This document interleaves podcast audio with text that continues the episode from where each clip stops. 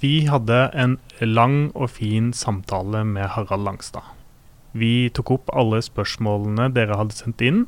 Og derfor måtte vi dele episoden inn i fire episoder. Dette er andre episode. Hei, og velkommen til Hverdagen med NTL-Nav. Jeg heter Torgeir Homme. Og mitt navn er Ove Thorheim Sandvik. Vi lager nå NTL Navs medbestemmelsesskole. For å gi deg en enkel innføring i det viktigste rundt medbestemmelse i Nav. Så hvis du er ny som tillitsvalgt, Eller litt gamlere tillitsvalgt som trenger oppfriskning på basicen, eller hvis du bare er litt interessert i medbestemmelse. så er dette noe for deg. Spørsmål om medbestemmelse og styringsretten, Harald. Ja. Eh, Vi har fått eh, en del spørsmål her også. En erfaren tillitsvalgt, eh, Geir Jansen, sender inn et spørsmål her. Viser til problemer med å få gjennomslag i drøftingssaker. Arbeidsgiver viser ofte til styringsretten og trenger ikke å etterkomme tillitsvalgtets eh, innspill i drøftingssaker. Hva er det rimelig at arbeidsgiver kan hevde styringsrett på? Hva er styringsrettens rekkevidde? Ja, da sier jeg takk for det spørsmålet. Det, da er du midt inne i det eh, som er noe av det jeg er mest opptatt av. Eh, for å ta det veldig enkelt og greit, eller jeg skal begynne litt med å si uh, om hva som mangler av kunnskap rundt styringsrett. Jeg tror jeg vil begynne der. Uh, for jeg har jo hatt en del opplæring, ikke bare for tillitsvalgte, men også for ledere. Og uh, da jeg stiller spørsmål ved hvor styringsretten er nedfelt, så får jeg veldig mye rare svar. Altså Noen foreslår arbeidsmiljøloven, noen foreslår hovedavtalen, noen foreslår Statens personalhåndbok osv. osv. Og det gjelder også ledere. Altså det betyr de som da hevder å bruke styringsretten, de vet ikke hvor de har den fra. Eh, Og styringsretten er det veldig enkelt å svare på hva består av, eh, og, og hvor den kommer ifra. Styringsretten den er, eh, den er fastslått av Høyesterett. Altså det er rettspraksis som danner grunnlag for begrepet arbeidsgivers styringsrett. Og det er to sentrale dommer her som er veldig presise på hva styringsrett er. Den ene det er den såkalte nøkdommen som kom i 2000. Eh, og Der sier Høyesterett eh, ordrett at arbeidsgiver har i henhold til styringsretten rett til å organisere, lede, kontrollere og fordele arbeidet. Eh, organisere det betyr hvordan organisasjonen i praksis ser ut, sånn rent formelt. Og det andre det er snakk om daglig drift. Eh, og da er det jo sånn at eh, hvis vi ser på begrensningene, så har jo vi hovedavtalens paragraf 19 som sier at organisasjonsendringer som varer utover seks måneder, og har, eh, hvor kartet endres, og, og, og hvor det har betydning for personell og eller utstyr, eh, der skal man forhandle. Og det er jo en begrensning i styringsretten. Altså Det betyr at da kan ikke arbeidsgiver lenger fritt organisere før det er forhandla og kommet til enighet. Eller så må man inn og, og ha klageadgang og, og, og flytte beslutninger oppover i systemet. Men det er, den, det er den første og mest sentrale delen av styringsretten, og den er det altså Høyesterett som har fastslått. Og norske domstoler har konsekvent brukt den definisjonen etter år 2000. Og så hadde vi en sentral dom til, eh, som er spesielt spennende for oss i offentlig sektor, mener jeg, og det er Kårstø-dommen i 2001. Eh, hvor Høyesterett eh, da eh, føyer til ett kriterium til. De viser da til denne dommen fra året før, og så sier de at styringsretten begrenses imidlertid også av mer allmenne saklighetsnormer. Utøvelse av arbeidsgivers styringsrett stiller visse krav til saksbehandlingen. Eh, Det må foreligge et forsvarlig grunnlag for avgjørelsen som ikke må være vilkårlig eller basert uten, på utenforliggende hensyn. Og da er vi midt inne i det vi altså omtaler som ulovfesta forvaltningsrett.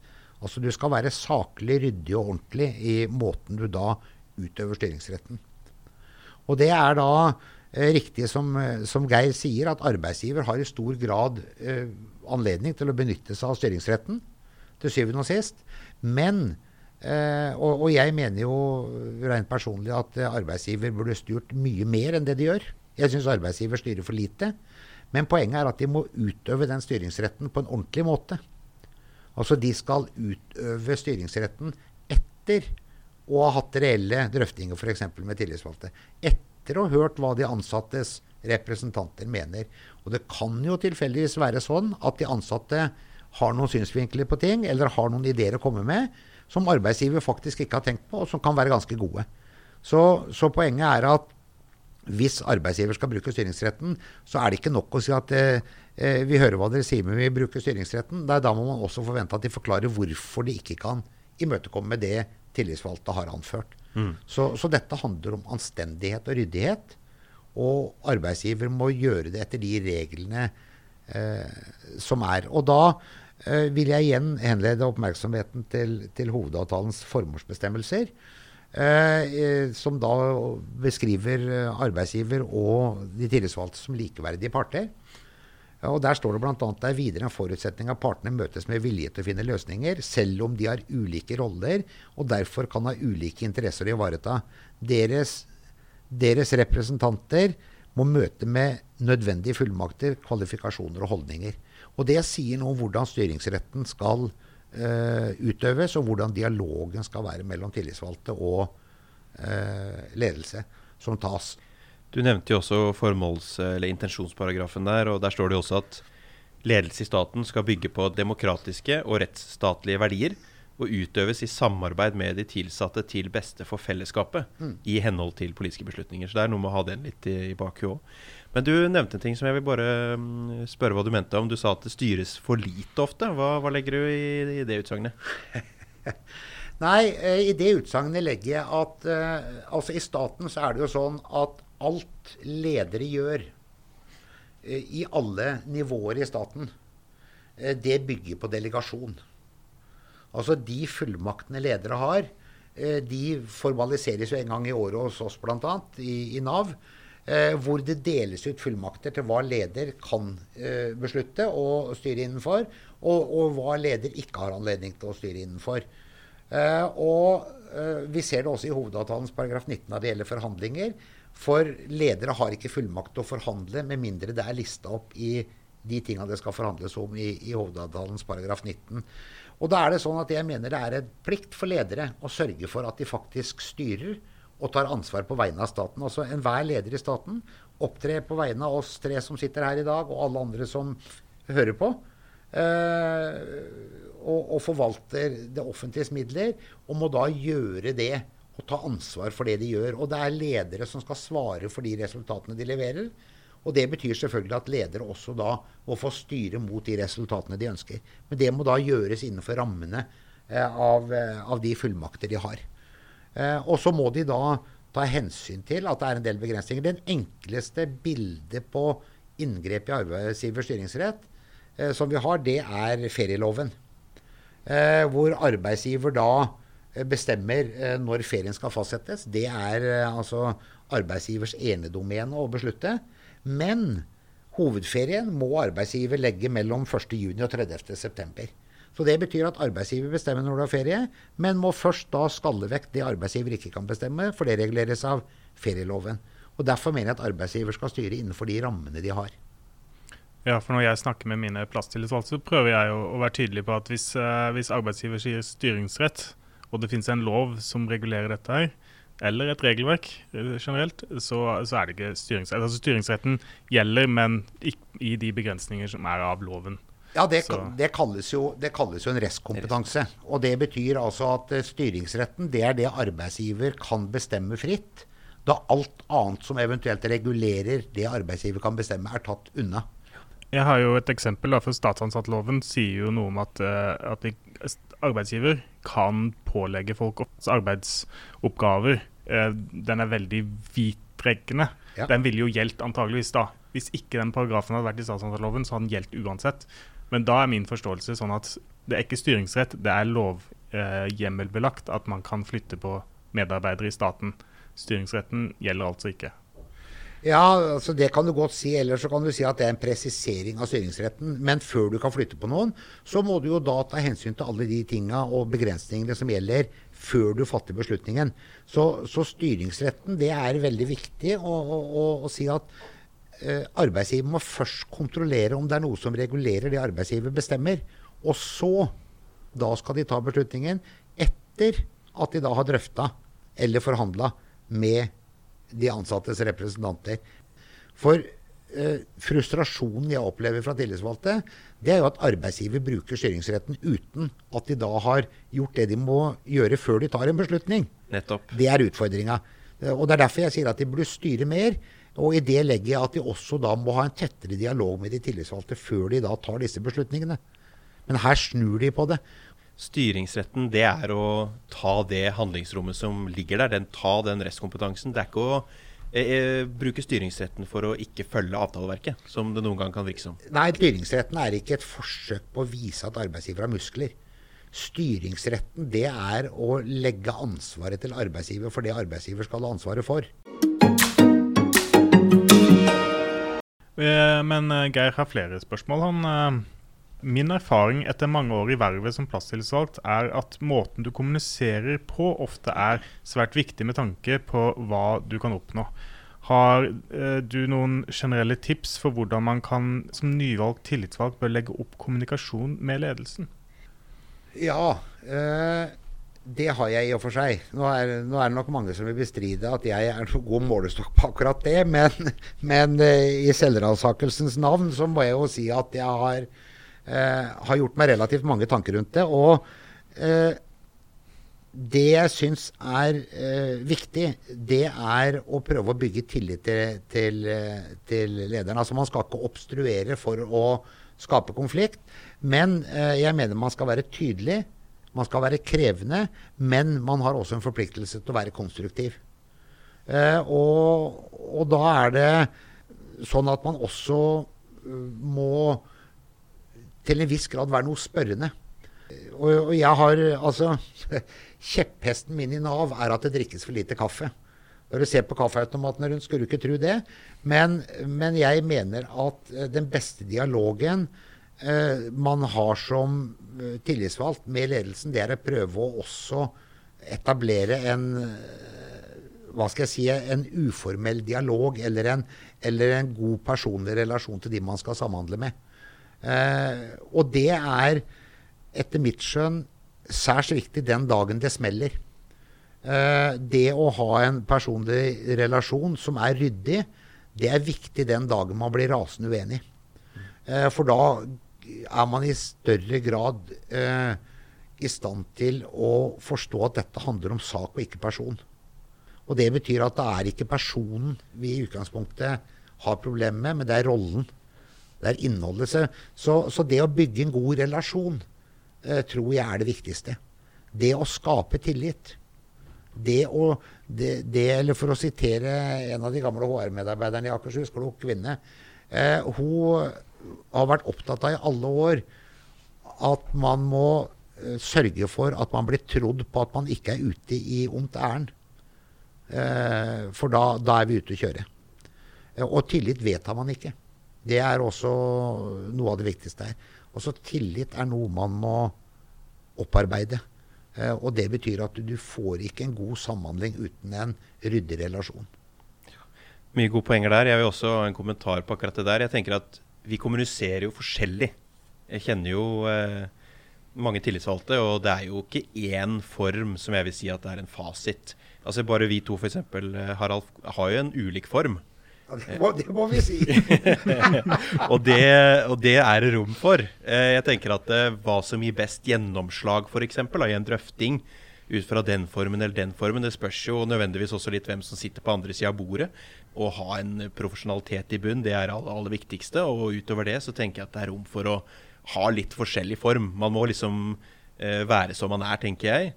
Det viktigste for en tillitsvalgt, syns jeg, det er å være litt modig. Eh, uansett åssen form du har. At du, du, tør å si hva du mener. At du tør å si at dette her er det medlemmene mener. Ja, og så er det Altså, det, fin, det fins et knep som av og til er litt morsomt. Eh, og det er hvis du har en sak som du forbereder deg til, eh, og skjønner at du kan rose arbeidsgiver for noe arbeidsgiver ikke forventer ros av, da blir det moro. Da, altså, det skal ikke så mye til å sette ut andre. Hvis de har forberedt seg veldig til, til en sak, og så og så er du enig. Jeg husker jeg satt i en lønnsforhandling en gang hvor var, vi hadde et medlem som var veldig urealistisk i forhold til, i forhold til eh, lønnskravet sitt. Og da var det ganske artig å oppdage at, eh, at eh, vi skjønte at arbeidsgiver ville, ville avfeie kravet. eh, Og det var det for så vidt god grunn til òg. Men da jeg så arbeidsgiver komme inn og hadde skrevet, håndskrevet en hel A4-side etter noen harde runder hvor vi hadde krevd at arbeidsgiver måtte være ryddig i lønnsforhandlinger, så hadde de forberedt seg og, og brukte ja, et, kanskje tre minutter på å gå gjennom alle punkter på A4-sida for hvorfor de ikke ville møte dette lønnskravet. Og så sa vi ja, NTL er enige, da kan vi gå til neste krav.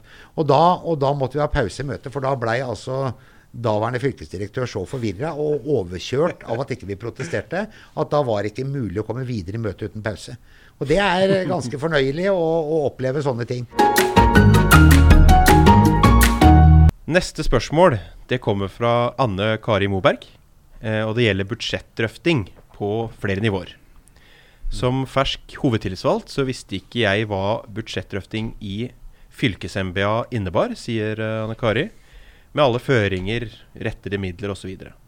Hva skulle jeg være opptatt av å se etter? Eh, Etter at budsjettet er drøfta i fylkes-MBA, så går det jo ut til drøftinger på Nav-kontorene. Det blir fort slik at tillitsvalgte bare blir sittende og ta imot informasjon, mener Anne Kari da. Uten å vite hvilke spørsmål som skal stilles. Så Harald, hva slags spørsmål skal, må, må man stille? Hva er viktigst? Uh, ja, jeg vil først begynne litt med hvordan man har forutsetning for å drøfte budsjett. Uh, og eh, da er det sånn at det aller første som er viktig for at tillitsvalgte skal få nødvendig kontroll, det er at man sørger for å få satt budsjett på dagsordenen gjennom hele året. Altså Hvis du skal ha en forutsetning for å mene noe om uh, hvordan budsjettet skal være for kommende år, så må du se litt i akterspeilet og se hvordan midlene har eh, blitt brukt uh, inneværende år. Og så er det jo nødvendigvis sånn at en av, en stor del av budsjettet er låst knytta til at det skal fordeles ut til Nav-kontorer, til spesialfunksjoner, og, og hvor, hvor bindingene er relativt faste i mål- og disponeringsbrevet. Og men eh, det er umulig å mene noe om budsjettet for 2020 hvis du ikke vet noe om hvordan penger ble disponert i 2019. Så punkt én, få satt eh, bruken av midlene på dagsorden. Og så er det sånn at eh, i, eh, i budsjettsammenheng så må man først eh, titte på mål- og disponeringsbrevet. Altså hva, skal, hva er prioriterte satsinger i etaten. Så, så det må man sette seg inn i. Eh, så må man også identifisere såkalte formålskoder. For det er en del budsjettbindinger på såkalte F- og K-koder hvor det er forhåndsbestemt hva midlene skal brukes til.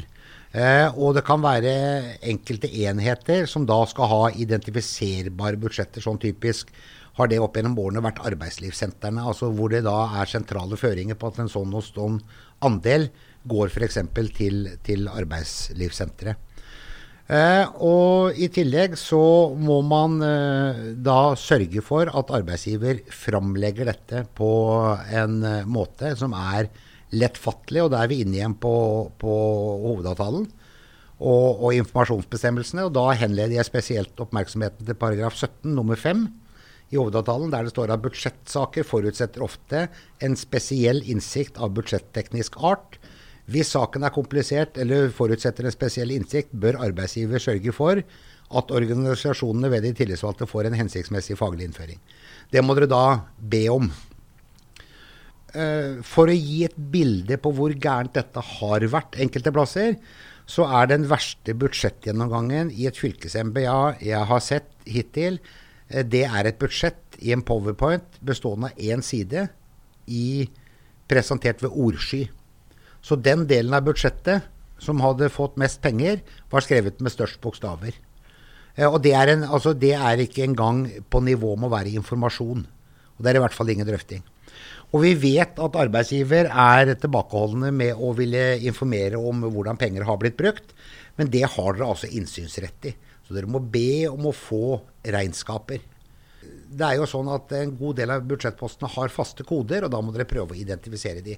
Så det å drøfte budsjett, det krever at dere leser litt på forhånd. Eh, og så bør dere jo etter mitt skjønn også eh, i forkant av et MBA-møte og, og budsjettdrøfting, går kanskje over to møter, tre møter, eh, pluss revidert budsjett utpå seinsommeren-høsten. Eh, som tillitsvalgte kanskje ta en samtale med andre tillitsvalgte og internt i, i egen gruppe, og finne ut hvilke kamper dere vil ta. For det, er, det å flytte på penger er relativt vanskelig, og det er relativt begrensa. Se litt tilbake i Ja. tid på hva som er pengene er brukt til, Ja. og velge ut noen eh, prioriterte felt der man tenker at uh, dette vil vi virkelig gjøre noe med. Ja. Det er altså De lederne som da får tildelt budsjettmidler, de er jo da ansvarlig for å levere resultat innenfor de budsjettrammene de får. Eh, og da kan det kanskje være lurt at tillitsvalgte eh, av og til stoppe litt opp og stille spørsmål med hvordan vi bruker pengene lurest. Og da er vi, da er vi egentlig litt tilbake til det med ansettelser òg. Spørre altså hva bruker vi ressursene på? Hva har denne enheten fra før, og hva trenger denne enheten i fortsettelsen? Eh, og forutsetningen for alle de måla man skal oppnå, det er at det er midler til å oppnå målet. Eh, Jan Rune Janni Wikan har jo sendt inn noen spørsmål, og, og han eh, opplever at eh, hovedavtalen og tilpasningsavtalen ikke blir overholdt ved mange enheter. Eh, arbeidsgiver svarer vanligvis at opplæring blir gitt, og at hovedavtalen skal over, overholdes, men, men så skjer det ikke likevel. Hva skal vi gjøre da? Da er det flere små ting man må gjøre. Eh, det er tungt å komme inn i, og vi er vant til at det er sånn det er. Eh, og min frustrasjon, da, for å ta det som sentral tillitsvalgt, eller da jeg får spørsmålene, det er at det mangler dokumentasjon. Det mangler altså en mulighet til å belegge eh, de bruddene vi mener at har foregått. Så her har jeg en del små tips. Som jeg nevnte tidligere, dette med mail. Hvis man mener at noe er brutt, så er det første man gjør, det er å sette seg ned og skrive en kort mail. Enkel og kort og grei påpekning av hva man mener er galt, og det sender man til sin leder. Eh, Da man gjør det, så eh, går man inn i mailmenyen, og så ber man om å få en lesebekreftelse og en leveringsbekreftelse på at denne mailen er sendt. Så Det er det første man gjør. Det er altså påpeke det man mener er feil, og sørge for å kunne dokumentere at dette er overlevert leder, og dette er sågar lest av leder. Eh, så eh, skal man samtidig også be om å få et skriftlig svar på henvendelsen. Poengter i mailen at vi ber om at denne henvendelse bekreftes mottatt skriftlig og besvares skriftlig. Med vennlig hilsen. Eh, og da får jeg jo ofte da jeg snakker med tillitsvalgte beskjed om at da de har gjort noe sånt, så dukker leder opp i døra. Er ikke veldig opptatt av å dokumentere at den har gjort noe gærent. Eh, så det er å stå og holde litt i dørkarmen med kaffekopp og forklare hvordan dette henger sammen. Eh, og da er neste trinn eh, på stigen er da å sette seg ned da leder har gått, og skrive en ny mail. Fortsatt med leverings- og lesebekreftelse. Hvor man oppsummerer leders svar.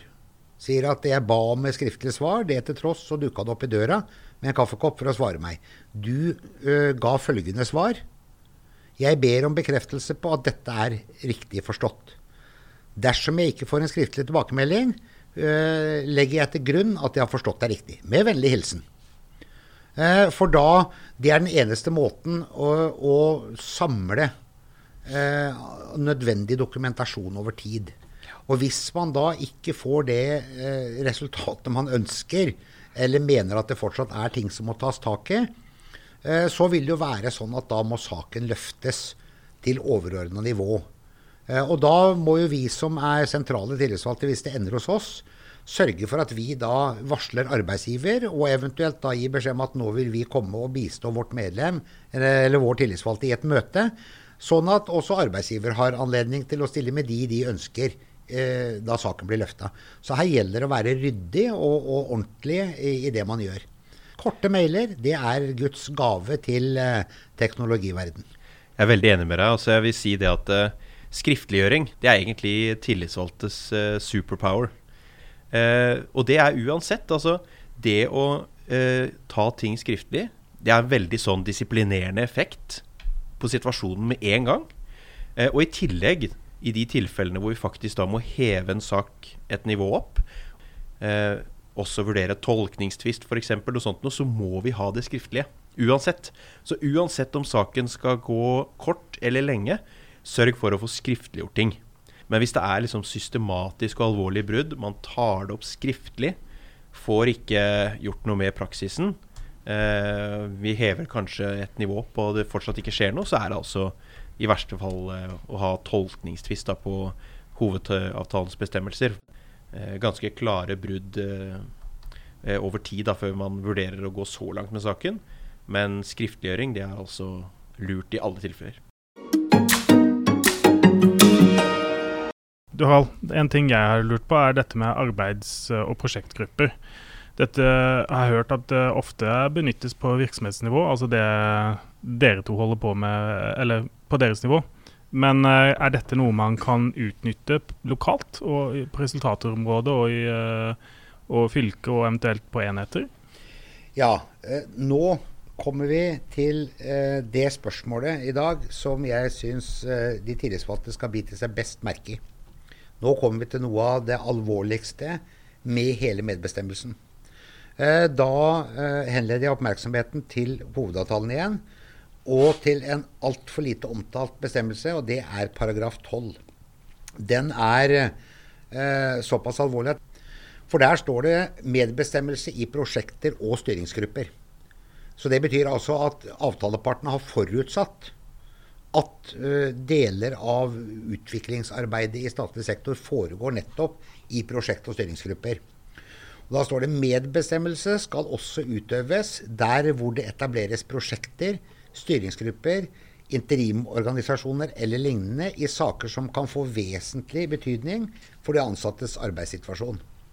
Dersom det oppstår forhold som etter hovedavtalen skal drøftes eller forhandles, skal dette skje fortløpende mellom partene.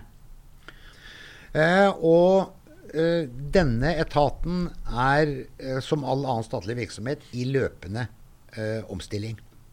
Vi kommer antageligvis aldri til å avslutte omstillingen.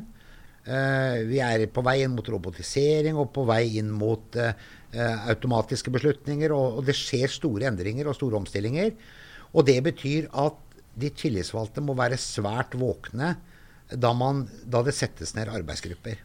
For det kan være sånn at man må ta stoppunkter og forhandle spesielt. Altså hvis ikke organisasjonskart endres, det skal vare over seks måneder, og det har betydning for personer og utstyr. Hvis det ikke forhandles der og da, men man tar det stykkevis og delt, så mister man forhandlingsretten. Det er i en drøftingsrett. Eh, og det betyr at man må være obs på under alle sånne eh, grupper som nedsettes. Er det noe her vi må formelt løfte til et MBA for å ta en beslutning i, i forhold til, mens vi nå er inne i denne prosessen. For ellers ender man opp med at uh, man får en arbeidsgruppe som kommer til konklusjon etter 16 måneder de tillitsvalgte er ikke enige, men det er ikke sånn at da rykker man tilbake til start. Det å kreve noe drøfta og forhandla, det er et felles ansvar både for arbeidsgiver og, og de tillitsvalgte. Så tillitsvalgte må være særs, særs, særs oppmerksomme på denne bestemmelsen. Ellers så taper man både drøftingsmuligheten og forhandlingsretten mens interimgruppene eh, ruller av gårde. Eh, og eh, det som dessverre eh, er min opplevelse av dette, det er at fellesnevneren det har vært sånne grupper, det er stor frustrasjon internt etter at beslutninger er tatt, som man mener burde vært annerledes. Og da må jo jeg helle kaldt vann i, i, i blodet her etterpå og stille spørsmål. Ba du om å få drøfta det underveis? Nei. Det, vi venta til gruppa var ferdig. Nei, da er toget gått. Og Det betyr at tillitsvalgte skal da også være svært våkne Eh, da det settes ned arbeidsgrupper, med å for det første kreve at tillitsvalgte tiltrer arbeidsgruppa. Dersom tillitsvalgte ikke tiltrer arbeidsgruppa, så må man sørge for at gruppas arbeid eh, er et løpende gjennomgående punkt i hvert eneste møte i medbestemmelsesapparatet, sånn at man kan ta stilling til nødvendige ting underveis som partene faktisk skal ha medbestemmelse og samhandling på. Så, så jeg, dette er hvis dere husker én ting, folkens, etter denne podkasten nå, så husk paragraf 12 i hovedavtalen. Vi kan jo også i den forbindelse vise til eh, Navs omstillingsavtale. Eh, punkt 3.3 sier det at for å sikre reell medbestemmelse i prosjekter, styringsgrupper eller lignende som kan få vesentlig betydning for de ansattes arbeidssituasjon, skal som hovedregel de ansatte ved sine organisasjoner og vernetjenesten være representert i prosjektets styringsgruppe, så fremt partene ikke er enige om noe annet. Men uh, er det sånn at uh, Harald, du mener at man ikke burde eller burde ha prosjekt- og arbeidsgrupper uh, lokalt? Er, er, det, er, det, en hensiktsmessig måte å jobbe på? Ja, det kan det være. fordi at en del av disse gruppene sånn typisk kan gå på, på fag. For å gi et eksempel, da, det, kan, det kan være spørsmål om organiseringen av et, av et kontor Eh, knytta til om man skal jobbe gjennomgående med kommunale og statlige ytelser i forhold til brukere, bruker, eller om det skal stykkes opp. Eh, og det kan ha betydning for hvordan man organiserer enheten. Altså hvem skal være ledere for hvem, hvordan ser kartet ut. Og det kan være hensiktsmessig å ha eh, en arbeidsgruppe med de som faglig kan vurdere dette sett ut fra et brukerperspektiv, som da kan løfte sin innstilling til MBA, som da Eh, enten forhandler om endringa i kartet, eller har en drøfting om dette er hensiktsmessig, også sett ut fra eh, de tillitsvalgtes ståsted. Så, så altså det, det, ligger mye fag og mye, mye eksakt kunnskap hos deler av et arbeidsmiljø som det kan være hensiktsmessig at de jobber med. Så, så, arbeidsmetodikken er bra, men den er ikke bra hvis folk går i svime. Og det er klart Da, da partene har lagd en egen paragraf om dette i hovedavtalen, så betyr det at det er forutsatt, også fra vår side ved LO Stat, at det skal være anledning til å sette ned den type grupper. Så det er ingen overraskelse. Men det, men det beklagelige er at det da tas beslutninger som tas på feil sted. Sånn litt ref det at beslutninger tas i MBA og ikke på kontormøter også. Altså. Så over til det litt uh, generelle igjen. Fra et uh, medlemsperspektiv her, da. Altså Bente, hun lurer på hvordan kan min stemme bli hørt på arbeidsplassen? Hvordan kan min stemme påvirke min arbeidsdag eller arbeidsoppgaver? Ja, eh, da eh, har jeg ikke så altså, Eller det det er, vanskelig å svare sånn veldig generelt på det ut fra, ut fra at jeg ikke kjenner til bakgrunnen fra spørsmålet jeg har stilt. Eh, men for det første så er det jo sånn at skal man høres på arbeidsplassen, eh, sett ut ifra et eh, NTL-ståsted, så fordrer jo det at man eh, har medlemsmøter. Altså det fora der medlemmene utveksler sine synspunkter eh, og tar de eh, organisatoriske og faglige diskusjonene, det er på medlemsmøter. Det er der alle som eh, betaler seg kontingent, får være med og beslutte hva vi som organisasjon til sjuende og sist eh, skal ha som standpunkt. Eh, og Det andre tematikken her, det er jo medarbeidersamtalen. Eh, og der er vi jo så heldige at der kan vi påvirke referat og skrive og drive. Så, så og Da er det jo viktig at man da forbereder seg til medarbeidersamtalen som man har en gang i året, og, og anfører det man mener at må hensyntas uh, ut fra sitt eget ståsted i disse samtalene. Og Da har man samtidig sikra dokumentasjon for at man har hatt noen standpunkter. Da går vi ikke på det kollektive lenger, men da går vi på den enkeltes arbeidssituasjon. Og så er vi tilbake til den metoden jeg liker så godt. Da, hvis det er noe man mener at bør hensyntas eller, eller uh, må vurderes, så, så sender man en kort mail. Gjelder det NTL, ja, så sender man den til den tillitsvalgte. Gjelder det arbeidssituasjonen generelt, så sender man den til leder, og så ber man om et svar. Får man ikke svaret, vel, så men får det muntlig, så skriver man tilbake en gang til. og så er det sånn at hvis man skal påvirke, så stiller det generelt én forutsetning, og det er at man forbereder seg. Gjelder det mer sånn faglig, politisk og fagforeningsmessig, så må man tenke gjennom hva man ønsker å ta opp på et, eh, på et medlemsmøte. Gjelder det i for, forhold til eh, kollegaer, leder, eh, altså faglige spørsmål, så må man forberede seg og tenke gjennom hva syns jeg er viktig her. og så Eh, legge fram det på en måte som er forståelig for andre, og som er på en måte begrunna. Eh, og så bør man kanskje da stille seg av og til det spørsmålet altså er dette noe jeg tror bare jeg mener, eller, eller tror jeg faktisk at dette vedgår fler? Kan dette ha interesse for andre enn meg selv? Siden dette skal skje gjennom de tillitsvalgte, så tenker jeg hvis du ønsker å ha en sterk påvirkningskraft, så engasjer deg. Eh, bli tillitsvalgt eller vara. Send tilbakemeldinger når eh, saker er oppe i MBA til den tillitsvalgte, så kan den personen ta med seg det inn. Det er jo en del plasstillitsvalgte, og for så vidt også eh, hovedtillitsvalgte i fylker osv. som ikke får så mange tilbakemeldinger. Så hvis du sender en tilbakemelding når du får se sakspapirene, så har du en mulighet til å få innflytelse på saken bare ved å gjøre det. Så, så her gjelder det å være litt sånn strategisk i forhold til hva man ønsker å oppnå, hvor man ønsker det oppnådd. Eh, og, og, da prøve å være frampå. Men hvis du sitter og ikke sier noe, hvis du sitter og forventer at andre skal tenke som deg, eh, så skjer det ikke stort. Ja, så Det viktige er å heve stemmen, altså ja. si noe. Det er, altså, eh, er det NOU fra 2010 om medvirkning og medbestemmelse? Uh, som sier, skiller mellom medvirkning og medbestemmelse, åpenbart. Uh, medvirkning som den personlige tingen du gjør i den samtalen med, med forslag til, til, din nærmeste leder, og medbestemmelse som den representasjonen du har en som representerer deg overfor arbeidsgiver som i medbestemmelsen. Mm. Og det er jo liksom de to måtene man bi, kan utøve innflytelse på da, på arbeidsplassen. Mm. Ja. Takk til deg som hørte på. Hvis du har spørsmål eller kommentarer, ris eller ros, så er vi veldig takknemlige om du sender en e-post til torgeir.homme, alfakrøll, nav.no. Vi høres.